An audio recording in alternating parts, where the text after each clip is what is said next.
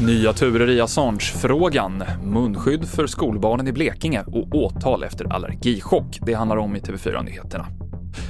Ja, Wikileaks-grundaren Julian Assange kan lämnas ut från Storbritannien till USA, där han anklagas för spioneri och riskerar många år i fängelse. Det här sa en domare i London för en stund sedan. I ett tidigare beslut kom en domstol fram till att Assanges psykiska hälsa gjorde att det inte gick att lämna ut honom till USA. Och det är inte helt klart i nuläget vad dagens besked innebär. Det finns eh, de som menar att eh, det här nu skickas tillbaka till den lägre instans eh, för att omprövas Eh, ännu en gång. Eh, men vi får också se om det är så att eh, Assange-sidan på något sätt kommer att kunna överklaga det här beslutet. Det, det har jag inte sett några uppgifter om. Det sa Thomas Kvarnkullen, vår reporter i London.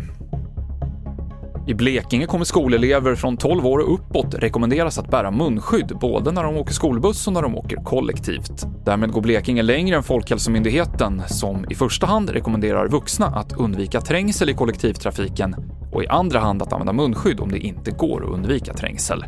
Det är flera skolklasser i Blekinge som skickats hem på grund av coronasmitta och en skola har tillfälligt stängt på grund av ett utbrott. Polis och åklagare i Malmö har fått mer tid på sig att utreda brott när skjutningarna har minskat i stan, det säger Malmös chefsåklagare till P4. Enligt polisens statistik så var det 65 skjutningar i Malmö 2017.